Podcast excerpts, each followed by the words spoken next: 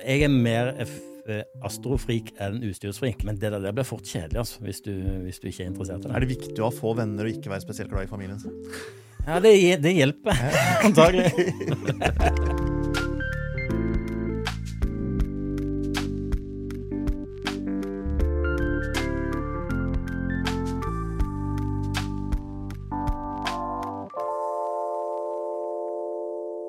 Kjære ørevenn, kjære seer, velkommen til en ny episode av Fotopodden. I dag skal vi snakke om noe mørkt og dystert Nei, ikke dystert, men mørkt, nemlig astrofoto. Og vi har fått besøk av noen mørke menn i studio her i dag, som er gode på akkurat det, for det kan ikke jeg så mye om. Velkommen til studio, min kjære gamle venn Ginge Anvik. Og Hallo. min gode kollega Joakim Fjelli. Takk. Veldig fint at vi kan ha to stykker i studio, så blir det dobbelt så gøy og dobbelt så nerdete, antar jeg. Ja.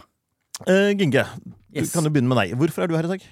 Eh, jeg tror det er mest fordi jeg er din venn fra gammelt av. Fordi vi drev og nerda sammen i noe som heter Stavanger Astronomiske Forening på den tiden 1984, der vi ikke hadde noen særlige venner. Mhm. Eh, så der fant vi hverandre, og så eh, har det seg sånn at jeg tok opp den gamle hobbyen igjen etter jeg ble voksen.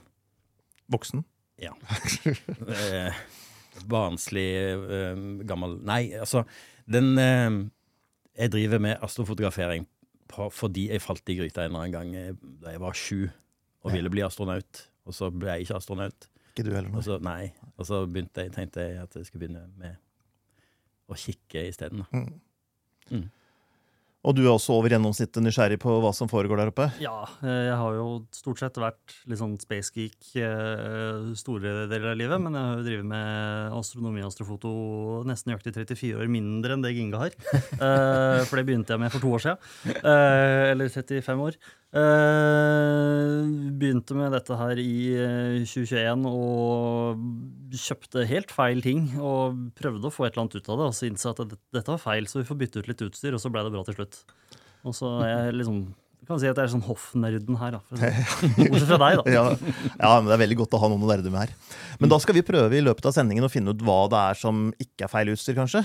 Og litt hva man gjør, og hvordan og hvorfor. Altså Når vi snakker astrofoto, så tenker vi ikke sette opp et vanlig kamera og ta bilde av Melkeveien. Vi tenker litt mer sånn lange teler og Det kommer an på hvem som Teleskoper og ting. spør, tror jeg. Ja. Altså, hvis, det hender jo at folk spør sånn, som, ikke, som vil starte helt fra scratch. Mm, Da kan det gjerne være det man tipser om. mm, Fordi det blir fort veldig dyrt eh, hvis man skal begynne å, å handle inn det som trengs til å skyte noe som er liksom noe annet enn Melkeveien. ja. Eh, det er så det er et fint sted å starte med DSLR og, og, og liksom timelapser og sånt. Nå. ja, og et stativ og et vidvinkel, lyssterkt Ja. vidvinkelobjektiv. Mm. Ja. Du kan jo faktisk komme unna med å ta det vi kaller for DSO-er, altså Deep Space Objects, med et kamera og et stativ. Mm. Det er bare fryktelig mer jobb, for du må liksom ta så og så mange bilder med ikke altfor lang eksponering, og så må du flytte til tripoden litt og vite at du fortsatt har det du skal ta bilde av i målet, og så må du fortsette og fortsette og fortsette å gjøre dette her. Og så må du det som vi kalles for stacke bildene sammen etterpå, og så kanskje du har noe du kan bruke. Ja. Eh, Det er jo helt andre ting som du kan bruke for å faktisk få det til enda bedre. Men du er på et litt annet nivå, Gengi, for du har jo bygd et skjul hvor du kan gjemme deg for kone og barn ute i skogen. Ja, Eh, og ta, Er det to bilder i året du tar? ja eh, knapt nok. det kommer an på dagjobb og vær.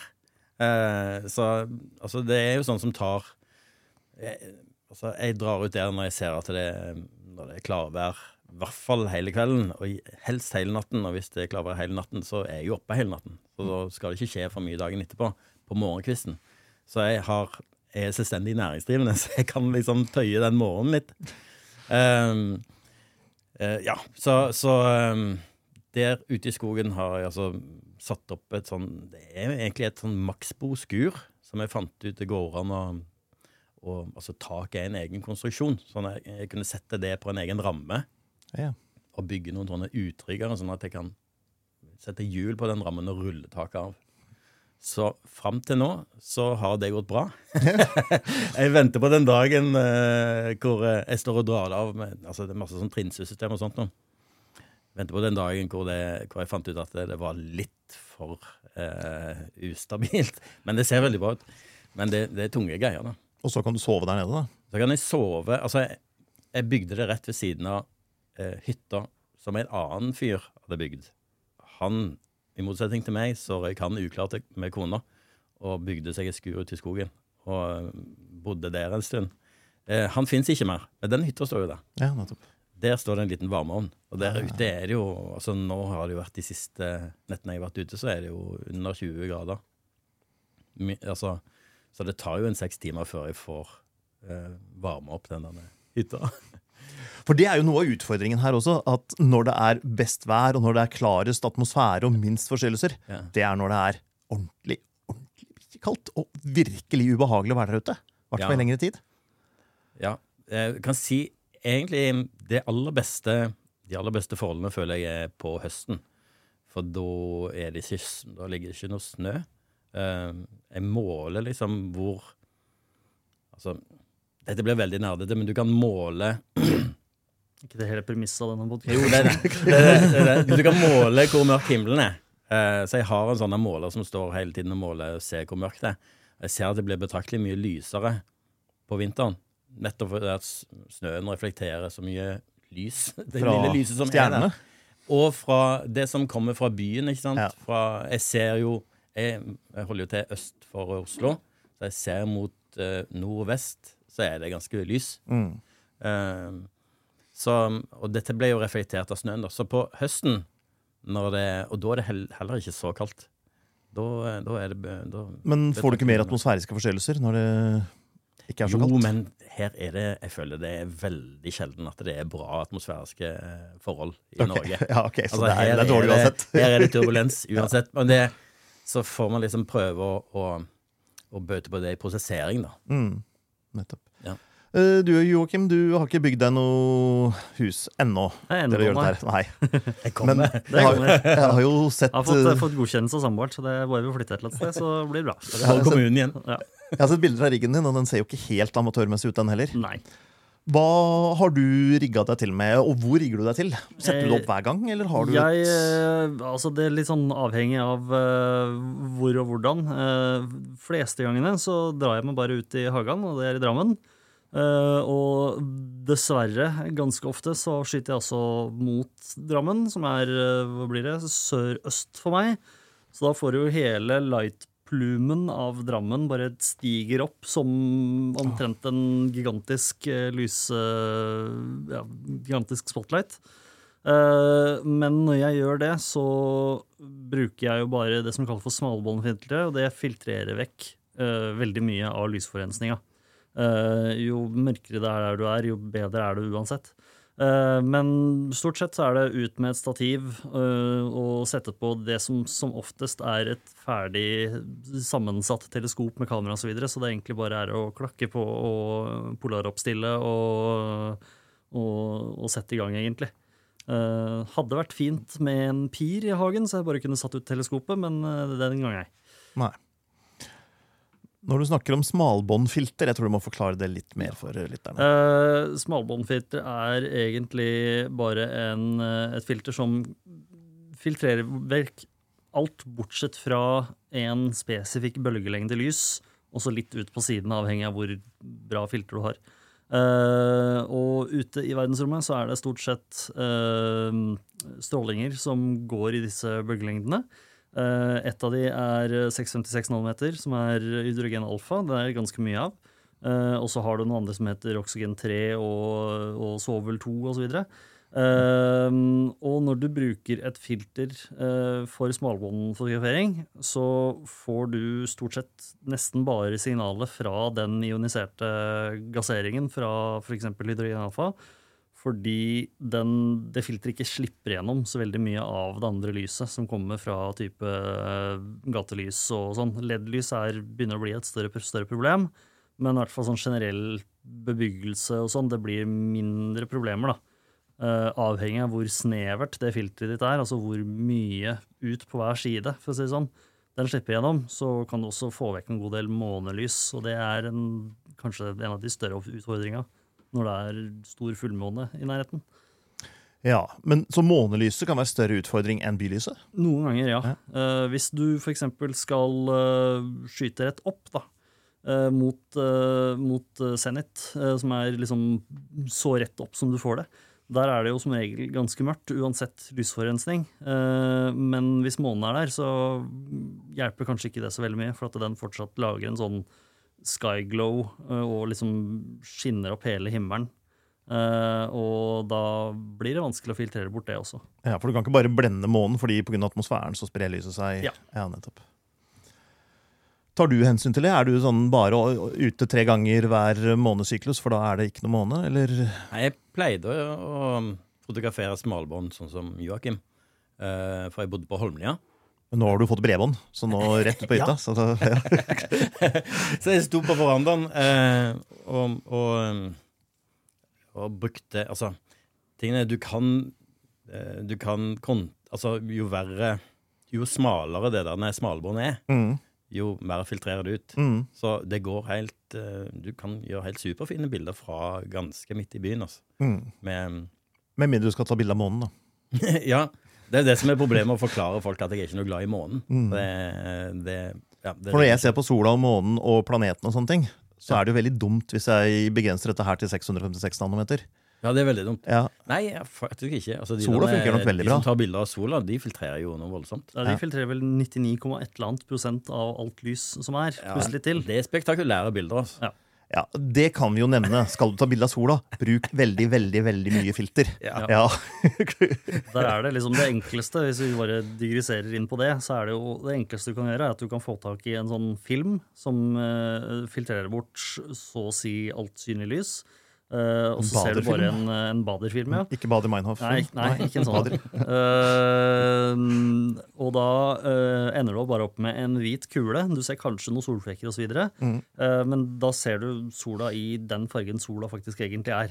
Eh, fordi sola er ikke sånn gyllen gul som du ser den gjennom atmosfæren. Den er egentlig bare hvit. Mm.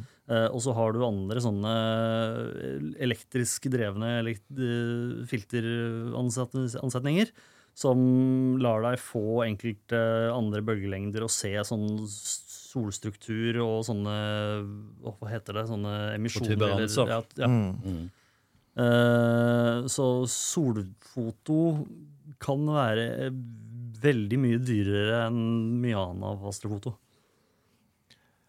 Så hva trenger man, da? Man trenger et kamera, har jeg hørt. Man trenger eh, Først må man ha en en slags måte å samle lys på. Ja. Så du trenger en uh, lysbøtte. Ja. Uh, hva bruker du, Joakim? Uh, jeg bruker litt forskjellig. Altså jeg har f.eks. en Sharpstar 61, som er F4,5 omtrent, som er ganske mye for å være astrofoto. Eh, de fleste sånne si, forbruker- og rimeligere teleskoper de er gjerne på liksom F7, F8, F10. Sånn i forhold til fotoverden så eh, er F4-5 ganske åpent. Eh, det skal sies da at når du har et fotoobjektiv som er på 4-5, så er kanskje ikke det den optimale Nei, for vi vil ha det. 1,4 og sånn. Ja, ikke sant? Eller hvis du skal ha det skarpt, så skarpt som mulig, så kanskje du må blende ned til 8. Mm. Men her er det jo teleskoper som på en måte er lagd for å være den, eh, den blenderen, kall det sånn, da, eh, hele tida, og skal være kantskarp fra den ene enden til den andre. Det er jo kalt et fotoobjektiv. Uh, Eller så har du større teleskoper som gir deg 2000 millimeter, men er F10, eller, eh, eller sånne ting. De fleste teleskopene her det er jo speilteleskoper, hvor du har et stort speil, og så har du et lite speil som reflekteres til, litt som en parabolantenne, egentlig, bare med, med speil. Um, og det finnes jo i fotoverdenen også, det vi kaller speilteler. Men vi liker dem jo ikke noe særlig. For de er jo Nei, jeg liker det ikke heller. Jeg optisk et- dårlig og alt mulig. Uh, mens til astro så brukes jo mest speil. Ja. Jeg bruker sånn Newton-reflektor. Ja, Det er fortsatt et speil. Det, det er to speil. Ja. Det er et, eh, et, sånn, et sånn hyperbolisk speil, er det hva Mm. det heter? Ja, noe sånt. Ja. Mhm. Som reflekterer opp til et diagonalspeil som står og sender um, lyset ut på, til siden av teleskopet der det står et kamera. Ja. Et svart-hvitt kamera. Um, og mellom lyset og det kameraet, den chipen, så er det et filterhjul som roterer på rødt, grønt, blått eh, og klart filter. Mm, Og så smalbånd. akkurat. Um, og det er altså det er F2,8.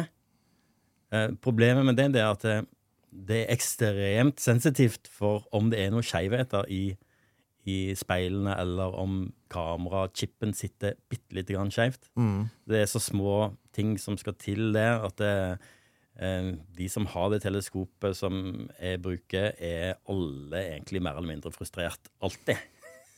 Er det fordi du har 2,8, eller er det pga. Newton-konstruksjonen? Eller hva er grunnen til Det er det? en, en koblingen der. Ja.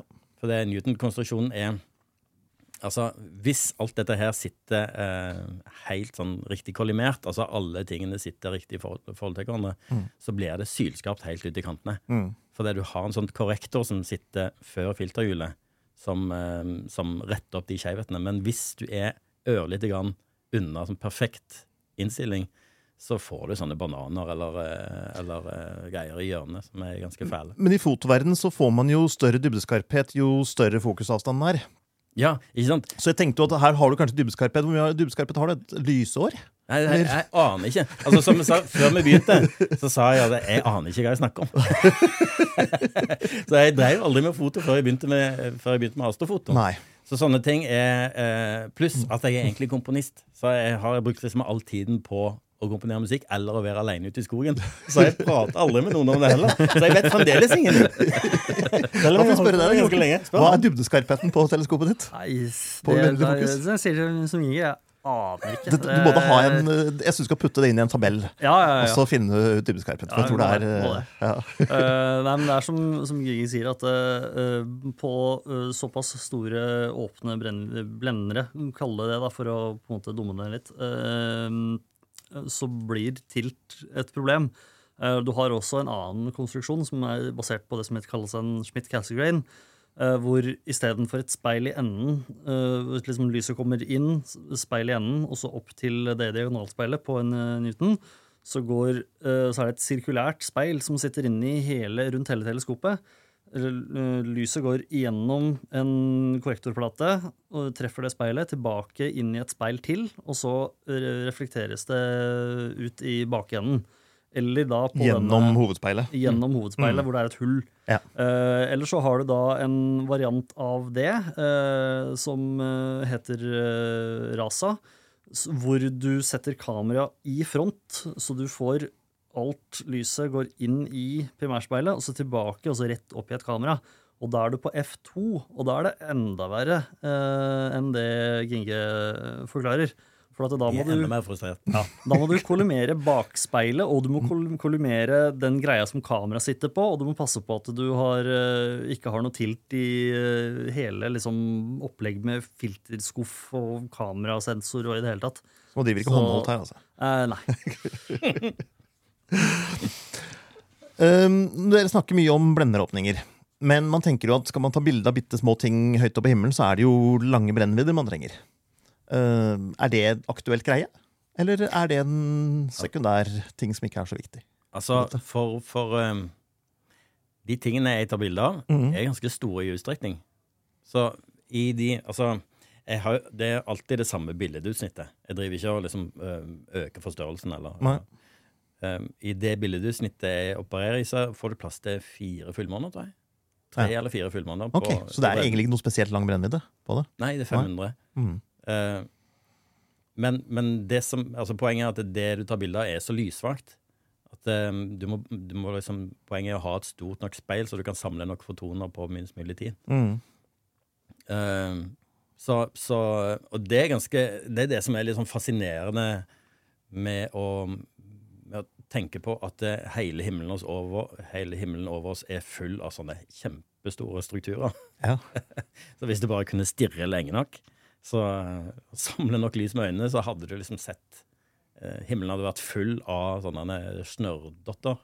Mm, Det er Eh. ganske fascinerende. Ja, det er ganske fett, altså. Altså Andromeda-tåken, som vi kan se med det blotte øyet som en bitte, Ja. bitte, bitte liten svak prikk, Mm. den er jo seks ganger diameteren til fullmånen. eller noe sånt. Ja, Den eh. Den har blitt utvida. Den har blitt, den har blitt større nå. Forrige, ja, forrige Uh-oh. måned så var det noen som tok et bilde. Det er det som er litt kult. At det fins andre nerder, sånn som Joakim og meg, som, som også som har enda bedre tid enn oss. Som bare sitter og fokusert på ett sted så sinnssykt lenge. Eh, jeg vet ikke, var det 110 timer eller noe Ja, det var noe sånt nå. Ja, Samla integrasjonstid. Eh, eh, og så dukker det plutselig opp strukturer utenfor der som ingen visste var det. Ja. Eh, Selv om dette har blitt fotografert i liksom over 100 år, Ja. kanskje er den mest fotograferte tingen i hele himmelen. Ja, den er så spektakulær at det er ingen som har tenkt å, å, å liksom duff, Og den er lett å fotografere, for den er lyssterk. Så det er ingen som har brydd seg med å la det stå på 100 timer til. Og Hubble og James Webb og disse her er aldri fanget opp. Nei, det er ingen som har fanget opp. Og de har ikke giddet å stått Nei. på det så lenge. Nei, nei, nei. Så det er, noe, det er en sånn gjeng med Hva er det? Ne, eh, En franskmann, en tysker og en sveitser og noen greier. Som de har liksom gjort det til sin greie. At de, at de, de finner altså de, Nå har de sin egen katalog med, med ting som de har oppdaga. Som er ganske begynner å komme opp i en del objekter. Altså. Kult. For det de gjorde da, det var jo en eh, Han Jan, hvor var det han var fra? Eh, han som først, først tok bilde av det. Uh, Stotsen, da. ja. Ja. Uh, og så var de ikke helt sikre på om det var noe refleksjoner eller noe avvik. Eller sånt. Så fikk en amerikaner som heter Bray Falls til å prøve det samme. Ja. Og han fikk til akkurat det samme, så da Ja. kunne de liksom bekrefte at det var en oksygenbue over Andromeda-galaksen etter ja, 100 og et eller annet timer. ja, det er spektakulært, altså. Og dette her kan også eh, hvilken som helst amatør oppdage hvis man bare sitter og stirrer på Andromeda-galaksen i litt over 100 timer. Ja. Ja. Og hvis du da har tre andre venner som gjør akkurat det samme, Ja. så kan du legge sammen de dataene. Mm. Um, og kombinere de sånn at du maksimerer tiden, da. Mm. uh, og så dukker det opp sånne ting. Så det var det ingen som visste om. det som er så morsomt med sånne ting, er at det, i motsetning til vanlig langeksponeringsfoto nede her på jorda, Mm. så er det ikke noe som heter å brenne ut himmelen.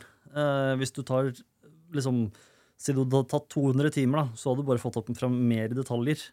Eh, det er jo eh, eksempler på For eksempel da, når jeg har fotografert Andromeda-galaksen, så har jeg kanskje brukt til sammen 12 timer på den. I motsetning til de 100 som de tok. Mm. Eh, Jeg får jo fram noe, men jeg får ikke i nærheten av de samme detaljene som de får, på, eh, på både synlig og, og andre spektre. Og så er det også sånn Det fins en grense der for hvor Altså Kommer til et punkt kommer ut, ut i vitenskapen, liksom, hvor, det er, hvor det er litt sånn vanskelig egentlig eh, Det vet jeg ikke så mye om, men jeg vet ikke om du har hørt om det, men det er noen sånne uh, uh, ting Altså hvor mye eh, detaljer du får fram Altså hvis du skal fordoble den detaljskarpheten, eh, så, så må du mer enn å doble tiden. Altså, Ja. et annet sånt. Det er et eller annet der som er sånn eh, Det blir eksponentielt. Mm. Eh, um, sånn at det, man har liksom Man har tenkt at nei, 110 det er litt for mye. Det er ikke en lineær Ja, åpenbart ikke. Nei, nettopp.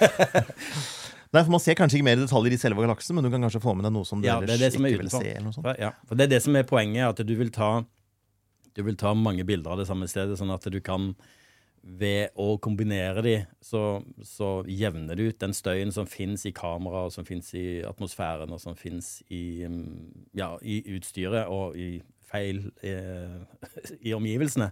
Ja, nettopp, for den støyen vil normalt være Yes. Mens det som vi tar bilde av, er jo for alle praktiske formål statisk. mm, Altså, I hvert fall sett fra vårt sted, mm, så ser, så ser det klin likt ut, med noen hederlige unntak. ja, eh, om du kommer igjen til neste år.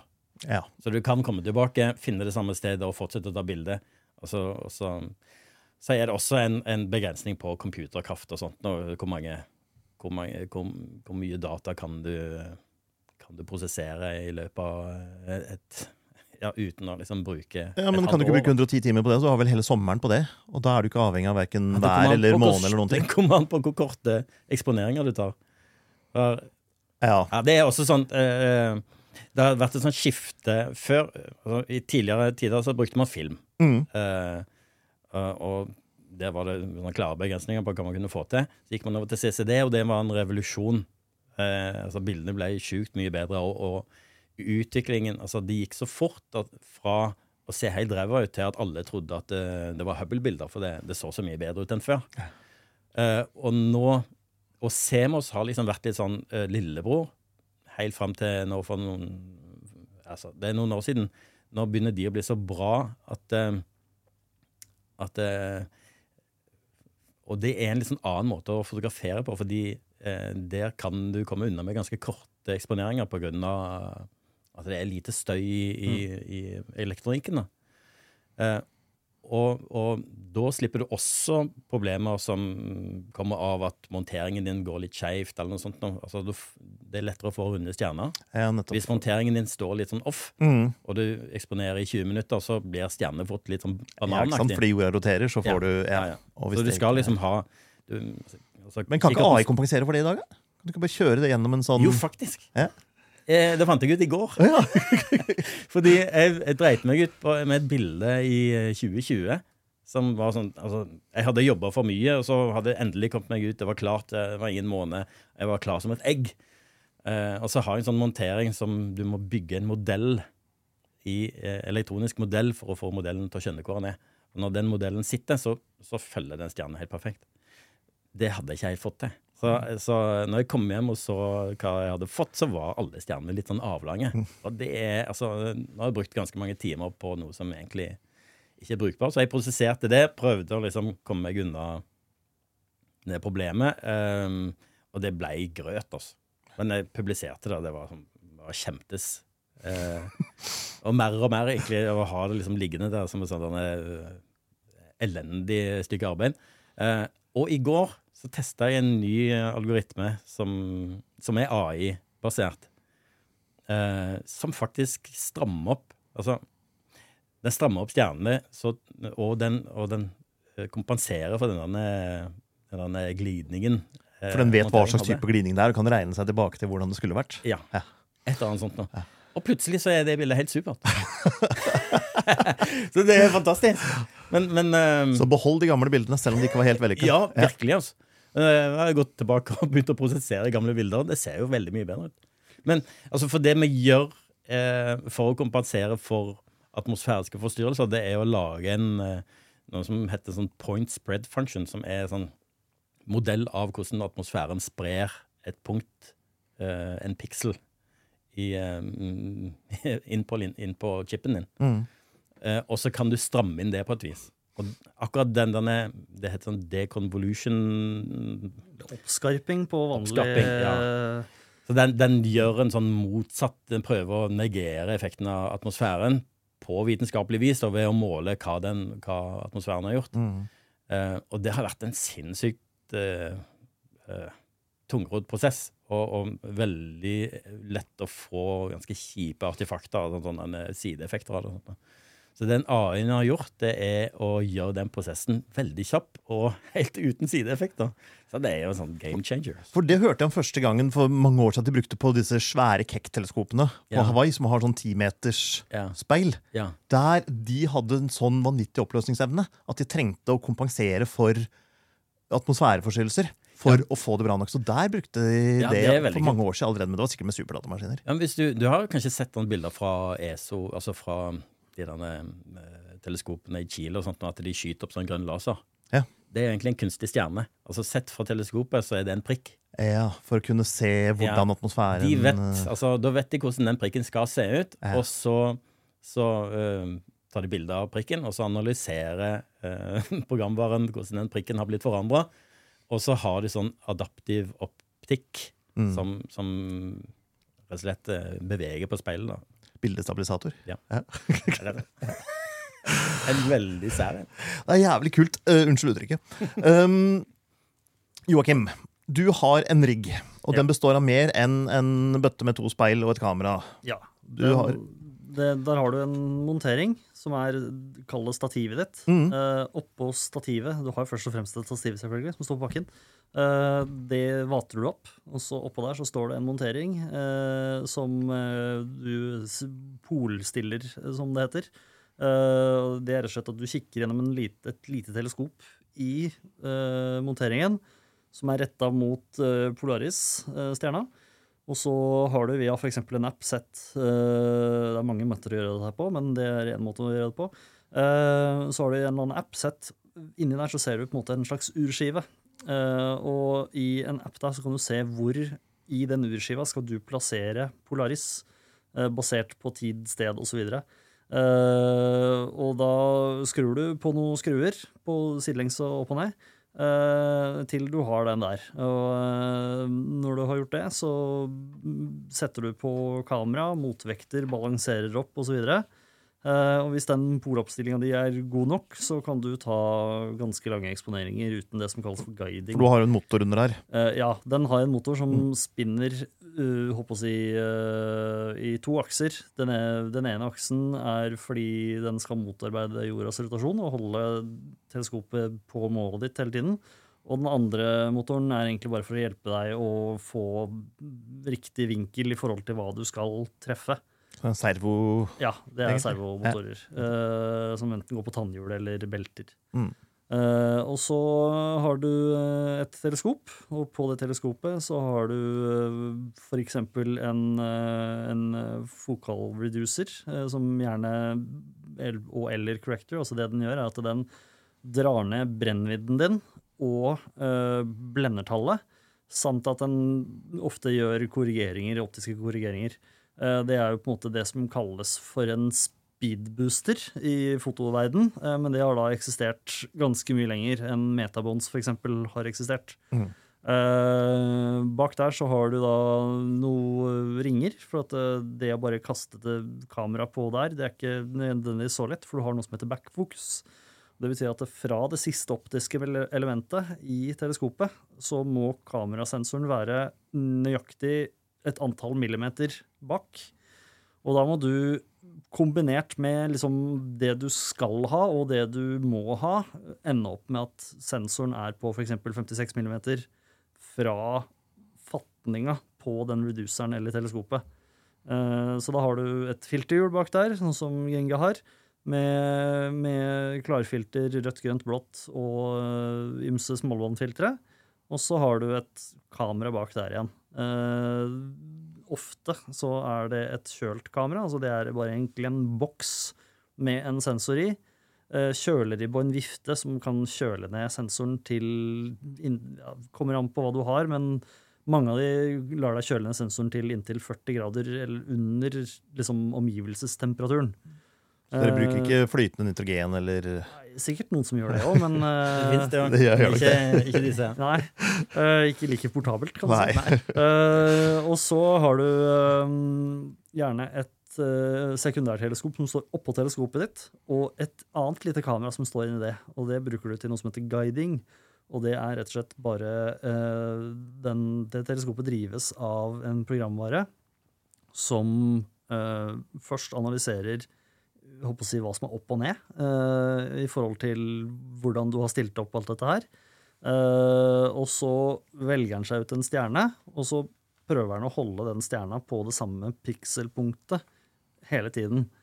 Og ved å da sende små sånne mikropulser til montasjen din eh, om at den skal korrigere, liksom enten gå fortere eller saktere i de to aksene, så vil den hjelpe deg med å få eksponeringer som er enda lenger enn det du ville fått uten den guidinga.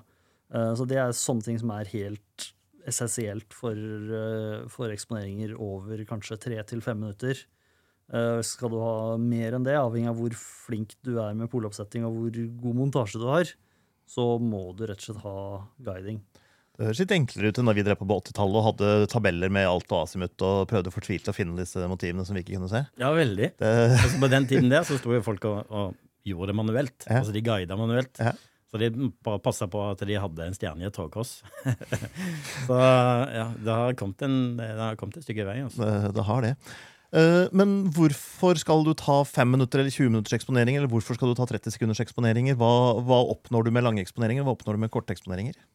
Det er jo øh, sånn som vi var inne på i stad i forhold til prosessering. Hvis du tar en haug med 30 sekunders eksponeringer, så får du oftest, for det første, øh, du får mer øh, støy mot signal, altså signal to noise ratio. men på en annen side, den fila som du lager av den 30 sekunders eksponeringa, den er på like mange megabyte som den du lager av 5 minutters eksponeringa. Så hvis du skal ha ti timer med 500 eksponeringer, så får du vesentlig færre filer, og det tar vesentlig kortere tid å prosessere det, versus å ha flere tusen 30 sekunders eksponeringer. Pluss at det tar jo voldsomt mye mer plass. Eh, det er også det at eh, avhengig av kameraoppsettet ditt og kjølingen osv., så, videre, så får du også mer signal i forhold til støyen på, på bildet ditt. jo lengre eksponering du tar. Eh, som sagt, kommer an på kameratype og osv. Uh, og hvorfor du skal ta lengre eksponeringer uh, Altså, det er nesten sånn at hvis du skal ta for eksempel, hvis vi går tilbake til det eksempelet på Andromeda-galaksen uh, Du får fint et greit bilde av Andromeda-galaksen på et par timer, men jo mer du, jo lenger du tar, jo mer får du. Altså, det er more is more, liksom. Betyr det at hvis du har, skal ha en, noen timers eksponering, så kan du godt ha korte eksponeringer, men skal du ha en 110 timers, så bør du ha litt lengre eksponeringer, for ellers blir det så uendelig mange filer at ingen klarer å prosessere det? Eller? Ja, eller du må gjøre det på flere maskiner. Ja. altså flere som sitter og gjør det samme. Ja. Men, men eh, fordi den CMOS-forbedringene har gjort at du kan komme unna med ganske korte eksponeringer nå. Før så var det sånn du må ikke finne på å eksponere under med mitt oppsett eh, under fem minutter, liksom. Eh, men, men Så jeg gikk på et, et smell i forhold til Altså, jeg bytta til Semos, og det var helt, jeg var helt grønn på den teknologien, så jeg, jeg, jeg satt igjen med noe sånn som Jeg tror det var 1500 eh, enkelteksponeringer per kanal. Det tok altså så usjukt lang tid å prosessere. Eh, Men sjukt lang tid mener du lengre tid enn det tok å ta bildene? Absolutt. Ja. Veldig mye lengre tid. Men dette her er flere år siden? Nei, det Var var, i eh, to år siden. Ah, ja, ok. Eh, så eh, altså, til og med med, med liksom relativt bra eh, prosessorkraft, så, så var det bare ekstremt så lang tid det tok. Eh, så, men det det gjør, det er at du kan komme unna med ganske mye rimeligere montering. Det, med en gang du skal få eh, Ja. du skal liksom eksponere veldig lenge, så er du nøye, så må monteringen være bra. Um, så det, altså, det er pros and cons overalt i Mm. dette. Hvor lange eksponeringer kjører det sånn fast? Kjører du standard? En, Nei, det kommer, på, det kommer an på hva slags objekt det er. mm. Uh, ligger vel på rundt Det pleier å være mellom 15 og 30 timer. Eh, og så har jeg vært oppe i 80. ja, men altså på per eh, Enkelteksponering. Per eksponering. Ja. Eh, Har du liksom nå- funnet at for deg så passer det med 1 minutt og 12 sekunder? Nei, nå har jeg funnet ut at på klarfilter, så det er det som slipper gjennom mest lys, så holder det med 60 sekunder. Mm. Uh, med CMOS-kamera. Ja. Eh, og det å foretrekke framfor fem minutter. Fordi hvis, jeg, hvis jeg eksponerer fem minutter, så brenner jeg ut stjernene. Ja. Så når jeg eksponerer 60 sekunder, så brenner jeg ut ganske få av stjernene. Så da får du liksom fargen Du får farger fra stjernene i, selv om du brenner dem ut, men det er på grunn av altså, måten lyset er spredd rundt punktene. Ja. Der har du fargen til stjernene, så du kan liksom prosessere de stjernene litt inn, sånn at du får farge i de. Uh, ja. Så uh, på rundt 60 sekunder for klart. eh, kanskje halvannet minutt for uh, farger. Uh, 180 sekunder for smalbånd på, på de som Ja. Mm. er. Kjører du tilsvarende, eller har du noe annet fordi du har en litt løsere oppsett som ikke er så lett å få jeg, presis? jeg har, eller? eller eh, jeg si sånn, jeg har eh, bare basert på erfaringer på de filterne og det kameraet jeg har. Mm. Uh, så hvis jeg begynner motsatt side, så kjører jeg ofte på smalbånd så kjører jeg ofte kanskje fem minutter. Eh, og på, på klart rødt, grønt og blått så er det Kommer an på hvis det er et mørkt sted hvor det ikke er noe særlig lysforurensning, eh, så kanskje inntil tre minutter Mm. eh, på rødt, grønt og blått. Og så kanskje 60 til halvannet eller to minutter på klart. Men hvis jeg vil gjøre dette her litt rimeligere og enklere, kan jeg ta det fotoutstyret jeg har, det kameraet jeg har, og en siden 600 blender 4, da, nå er det en ganske dyr ting i utgangspunktet, men hvis jeg tilfeldigvis mot formodning skulle ha den liggende, sette på et stativ, sette en motor imellom og fyre løs. Det fins sånne, sånne reisemotorer som jeg, jeg har sett folk bruke. Ja, det finnes noen stativhoder egentlig Ja, som, som gjør det. Ja. Eh, Som, som både er portable og Jeg tror ikke de koster skjorte heller. Jeg, er jeg har ikke jeg har sjekka det, men jeg ser liksom Hva mister jeg hvis jeg bruker det? For det objektivet er jo antagelig optisk totalt overlegent disse slaskete speiltelene dere bruker. Det er jo én stor forskjell mellom et teleskop og et objektiv. Eh, fordi objektivet har masse forskjellige eh, optiske elementer inni seg. Og dette er påvirka av temperatur. Eh, et teleskop har i et Newton-reflektoreksempel eh, bare selve teleskopet har to optiske elementer i seg, som er to speil. Mm. Eh, og dette på, altså teleskoper påvirkes mye mindre av temperatursvingninger enn det et objektiv eh, har. Eh, eksempelvis hvis jeg fokuserer med refraktorteleskopet mitt, som refererer refraktor, ikke reflektor, det er egentlig Refraktor det er som vanlig, ja, vanlig kameraobjektiver. Optikk-ish-konstruksjon. Ja. Mm. Eh, så fokuserer jeg den, så kan den stå der og peise på i noen timer før jeg eventuelt må refokusere.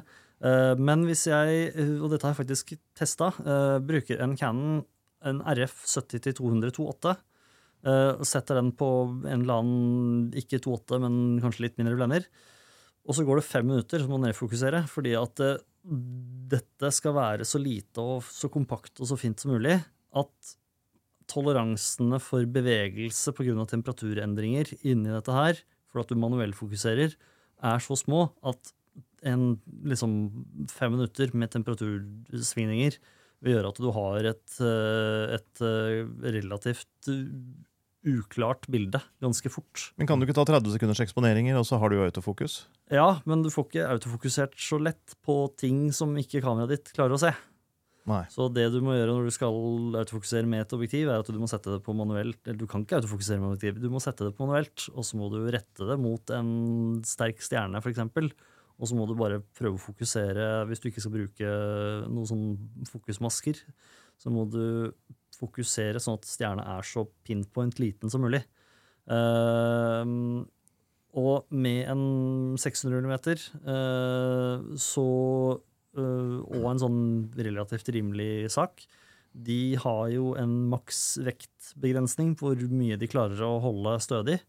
Uh, hvis du har en som klarer å holde en 600 meter stødig, så er det også dette med hvor presis den relativt rimelige saken er uh, i forhold til trackinga si.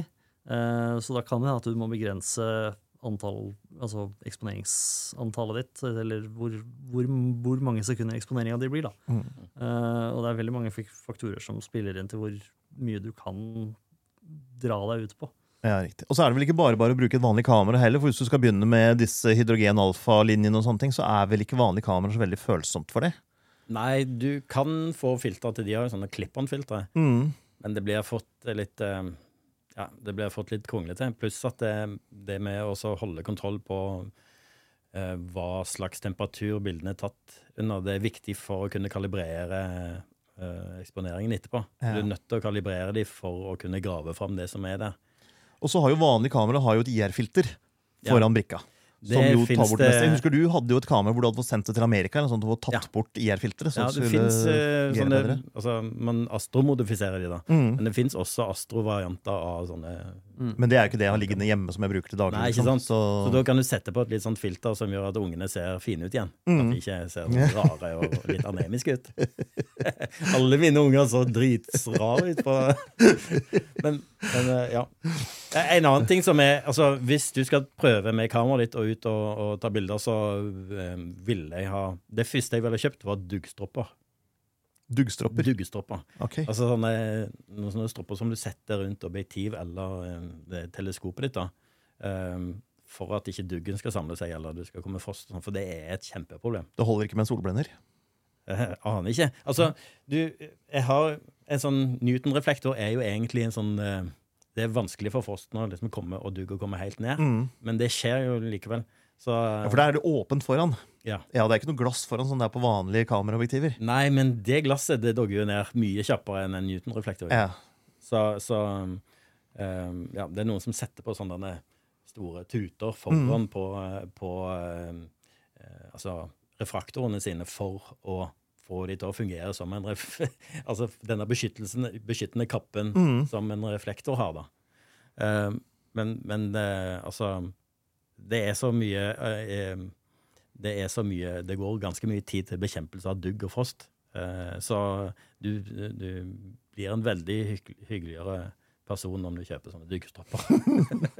Da er du mye triveligere å ha med å gjøre når du kommer hjem. ja, det er absolutt det. Eh, hvis jeg skal begynne med astrofoto, hva, hva koster det meg? Hva, hva er liksom en basic oppsett?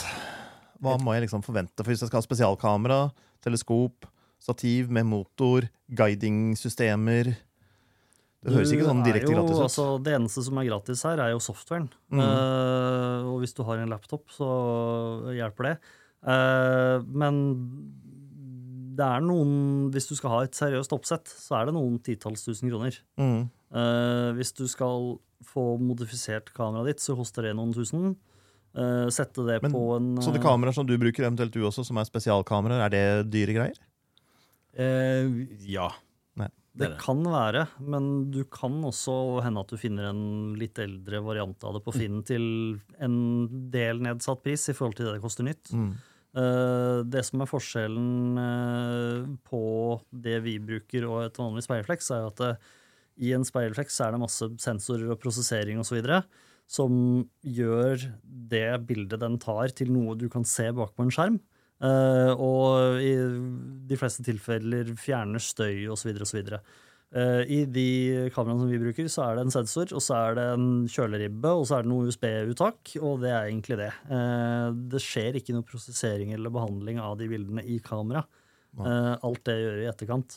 Og i tillegg så er bildene har sort- sort-hvitt-sensorer, så det er ikke noe, det er ikke noe sånn uh, Bayer-matrise med rødt, grønt, grønt, blått. Nei, så ingenting skal prosesseres, og ingen knapper du trenger, og ingen skjerm, og Nei, ingen 30 bilder per sekund, og ingen autofokus, og ingen Nei. Mm. Du får fargevarianter av de kameraene òg, altså. Ja. Uh, og det kan være, det kan være um, altså, tidsbesparende, det. Og, og, jeg- tror Er det det? Fordi at den vil du tro at den da ble mindre lysfølsom? Sånn Ja, selv om du må ta tre den- eksponeringer for å Ja, få det det samme, blir- så må du da kanskje eksponere tre ganger så lenge. Ja. Men, men eh, jeg ser noen fantastiske bilder som folk tar med de. Det, litt av problemet er at det blir litt vanskelig med, med, med altså smalbånd, da. Uh, men jeg ser jo nå Det gikk jo akkurat en Det er jo en komet på himmelen nå for tida. Mm. Uh, og de som tar bilder med fargekamera, der har det jo veldig mye enklere. Ja. Fordi alle vi andre må ta etter et bilde. Du må hoppe mellom, mellom eh, hvert filter eh, for hvert bilde du tar, sånn at du ikke skal få eh, alt, alt det røde ved kometen her, alt det grønne ved kometen der. Og så, Mm. det blir ikke bra. Um, så det er noen fordeler med det òg. Men ja. Så en del titusener av kroner. Ja. Jeg, jeg tror eh, i hvert fall det Jeg tror det er et poeng å ikke tenke at nå skal man virkelig satse, og så kjøpe alt det man har råd til med en gang. Ikke hør på han, kjøp Fordi, fordi, fordi altså, da finner man ut ganske kjapt at det, det var ikke akkurat det man trengte. Og så blir det veldig mye dyrere fordi du må kjøpe alt to-tre ganger. Ja, for du bomma på det, Joakim. Ja, jeg kjøpte et teleskop, et Newton-teleskop. Eh, og så kjøpte jeg det som håper å si, Det var en pakke med Newton-teleskop og en eh, relativt rimelig montering.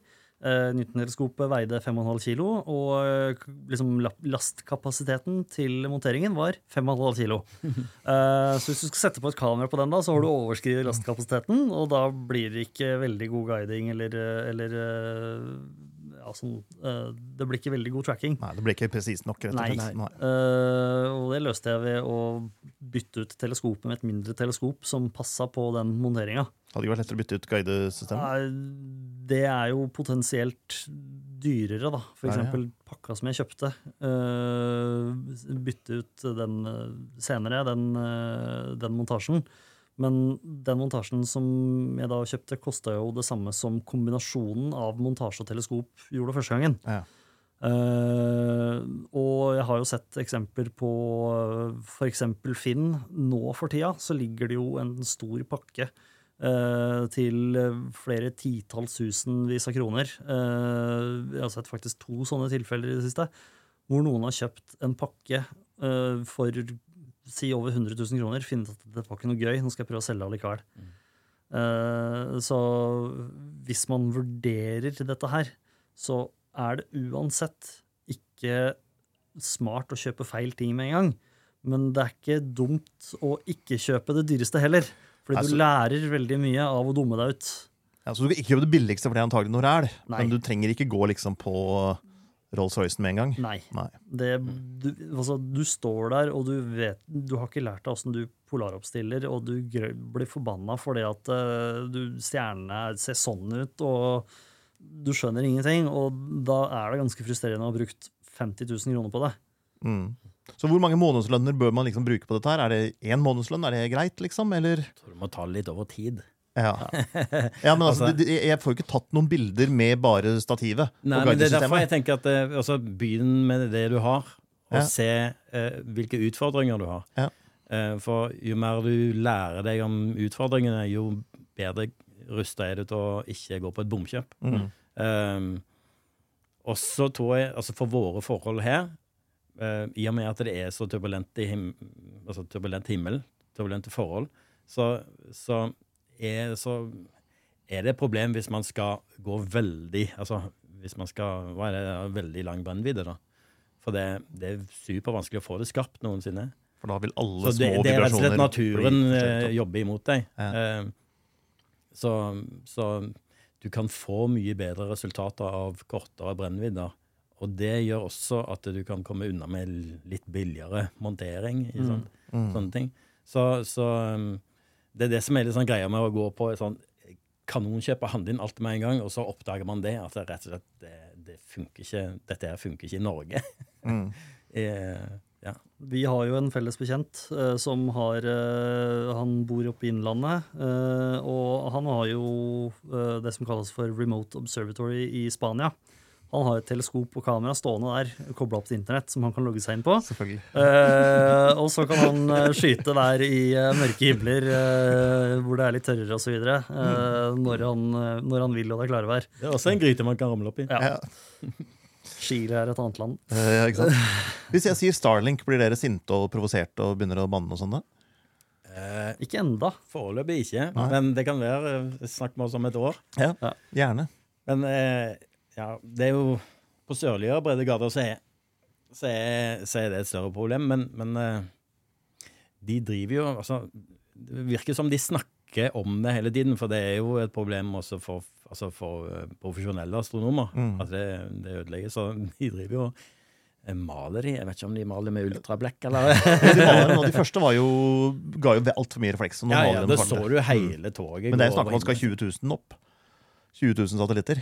Ja. Og da Og så var vel ikke de helt i den banen de skulle være, så det skal lenger ut. eh, og da skal det reflektere mindre. mm. Eh, men ja. Så foreløpig så, så For oss så er altså det er masse satellitter som vi må kalibrere vekk. Eller vi, vi kalibrerer det ikke vekk, vi, vi integrerer de bort. Eh, det vil si at du tar så mange bilder du kan for at en ensom satellitt, som egentlig blir en sånn diger strek over bildet, eh, blir fjerna av datamaskinen. For det, okay, Den pleier ikke å være her på disse bildene, sier datamaskinen, Ja, og så tar den mm. vekk. Så det er ikke et triks man bruker med vanlig foto, hvor du tar bilde av Karl Johan med en times eksponering, og så får du et bilde uten folk. Fordi alle menneskene har flytta seg ja, ja. og blitt borte. Så alt det som er der og, og som blir Jo, fanget, jo, det, det, er egentlig, det, det høres ut som det er det samme. Ja. Altså, alt det som beveger seg, og som ikke er der normalt, mm. eh, det altså, Sett at du har, gitt at du har nok eksponeringer, eh, så vil det bli eh, fjerna i en sånn integreringsprosess, hvor Mm. du, hvor du ja, tar sånn gjennomsnitt av det som er der. Mm. Er det noen personlige egenskaper man må ha for å orke å drive med dette? her? Du skal være glad i å fryse, Ja. eller ikke bli så fort frysen.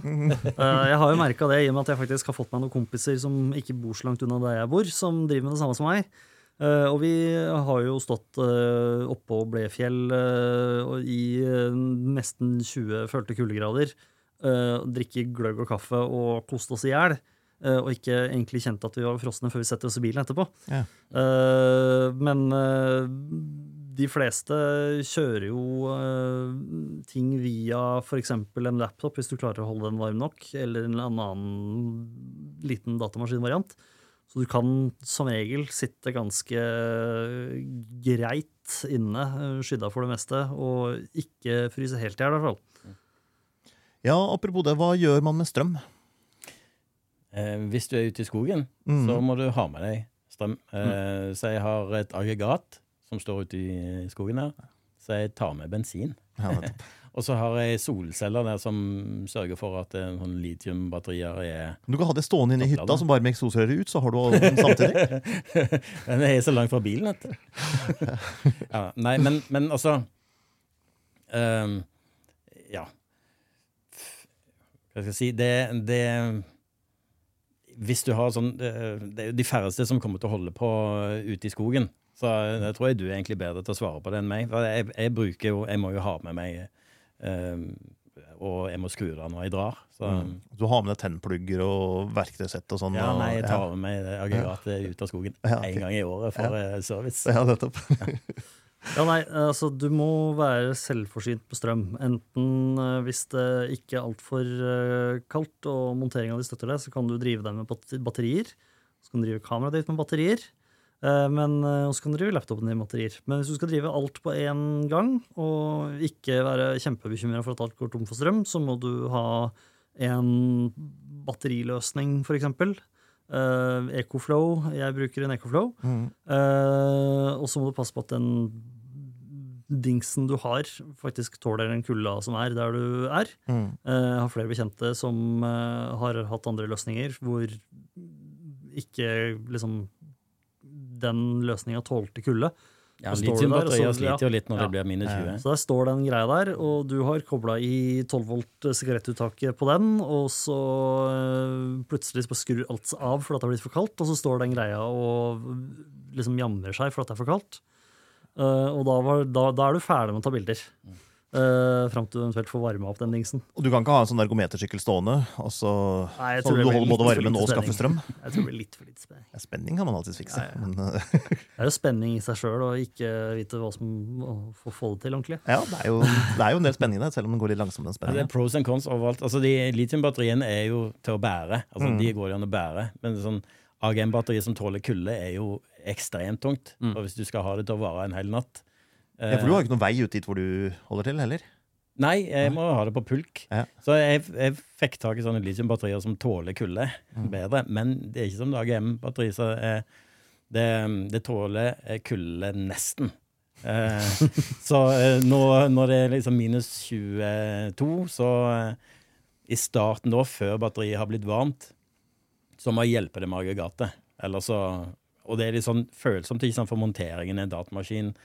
Datamaskin en datamaskin. altså Alt har chipper. Og, og ting som skal bute og sånt, nå, hvis de får litt lite strøm, så kan det fort ødelegge ganske mye. Ehm, så i starten da så må du liksom hjelpe til batteriet har blitt varmt. nok. Men, eh, ja. Men jeg har altså jeg har Jeg tror jeg har tre sånne kjempedigre 260 ampere-timer eh, blybatterier der ute som er døde. Som er døde, ja. ja. ja. Fordi, fordi jeg ikke tok vare på de på sommeren. Så du må også ha sånn Du må passe på bare ta vare på batteriene dine, for det, det er tunge greier å bli kvitt. Altså. Og en, eh, en enkel løsning hvis du skal drive ting på 12 volt, er jo bilen. Hvis du en, eh, hvis du lar bilen stå på tomgang, eh, eller har en elbil som er enda mer glad i å ikke stå på tomgang, men faktisk drive ting selv om den på en måte er av. eh, som da driver kan- av hovedbatteriet og ikke har startbatteriet. Ja. Ja. Så, så kan, du, eh, kan du bare ta en lang 12 volt-kabel, sette den i sigarettpennen og ikke smelle igjen døra på bilen altfor hardt, for da klipper du kabelen. Mm. Og, ikke slå, Eh. og husk å slå av lysene. Og husk å slå av lysene. Mm. Så er det, kan det være en løsning. Ja. Det hørtes nesten ut som en fornuftig løsning. Og da kan du sitte inne der og holde varmen også. Det også. Bortsett fra at du må ha opp på døra. Du kan ligge stå inntil. Du kan rulle ned vinduet litt. Kan du bare sånn glippe på vinduet? Jeg pleide før, altså Før jeg bygde opp så pleide jeg å stå på Bysetermåsen, som er en sånn parkeringsplass utenfor Oslo. Mm. Um, der var du med en gang, faktisk òg. Ja, Da sto du med ditt rigg, og jeg hadde med kamera og Eh, Ja, ja, ja. teleskop. Nei, det var vel og- og lang tele. Ja. Ja. Uh, og da, der oppe pleide jeg å sitte inne i bilen når jeg hadde satt i gang ting med sånn AGM-batteri ute. Ja. Uh, men så er det, da skal du Du har en laptop stående der ute òg. Og hvis det da er mange minusgrader, så begynner den LCD-skjermen å, å skape seg litt.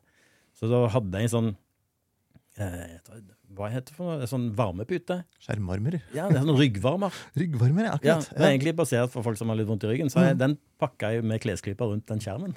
Kult. Så at den holdt seg varm, da, så det er mye sånn eh, Petter Smart-ting du må finne ut av. det er litt interessant, egentlig, fordi i, i den delen av kamerabransjen jeg driver, så er det få Petter Smart-løsninger lenger. For det finnes så mange ferdige løsninger for alt. Ja. Men det er det ikke hos dere, altså. Nei, det er jo ganske mange kule Petter Smart rundt omkring som, som for eksempel eh, lager ting som fikser sånn tilt-problematikk som vi snakker om. Eh, med det der Rasa-teleskopet eh, som han nevnte, hvor det er en- hva er det, 1,8 eh, F1,8 er det Det er to. F2. Mm. Eh, og så er Og, og altså, kameraene og teleskopet i seg sjøl er egentlig ikke laga bra nok. så da er det en sånn Petter Smart som lager en duppeditt som du setter oppå kameraet mellom, mellom kamera og kikkerten, som bare fikser det. På en helt nydelig måte. Så, så det fins ja, masse sånne nisser rundt omkring som har en eller annen sånn CNC-tilgang. Som, eh, som fabrikkerer ting som du får kjøpt. da. Kan man laste ned ting opp 3D-print og Ja, det er mange som bruker Ja, ja, ja. 3D-print og da printe f.eks. den der avstanden han snakker om mellom kamera og kikkerten. På noen teleskoper så er det bare sånn Du må være på mindre enn en hårsbredd. Altså det er ned på desimaler av et millimeter. Feil før du ikke, ikke kan bruke det. Ja. Så der er det mange som driver med- Jeg har fått hjelp av en, en veldig hyggelig kar med, med 3D-printer til å printe sånne små avstandsstykker. da. Kult. Ja, så Hvis det er noen der ute som ikke er blitt skremt ennå, så er det bare å sette i gang, bla opp noen månedslønner og ja, se denne eller høre denne podkasten en gang til. Ja, men Begynn litt forsiktig med det du har, tenker jeg. Altså, se om du, Hvis du syns det er gøy Mm. det er det, altså, er det, Hvilke egenskaper man må ha? Man må jo synes det er gøy. Mm. Og så må man være litt eh, Altså, eh, jeg tror det er bedre å, å Eller jeg er mer f- eh, astrofrik enn utstyrsfrik. Eh, eh, og det gjør jo at jeg kan sitte der hele natten og, og holde på med det. Mm. Eh, men det der det blir fort kjedelig altså, hvis, du, hvis du ikke er interessert i det. Er det viktig å ha få venner og ikke være spesielt glad i familien sin? Ja, det, det hjelper, antagelig.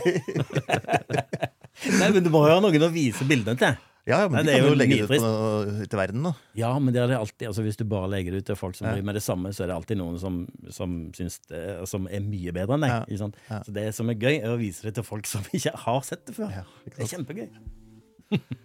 Jeg tror vi runder av der. Tusen takk, Inge, for at du kom. Tusen takk, Takk Joakim, at du tok den lange veien fra pulten din rundt hjørnet her. Så ses vi i neste episode av Fotball.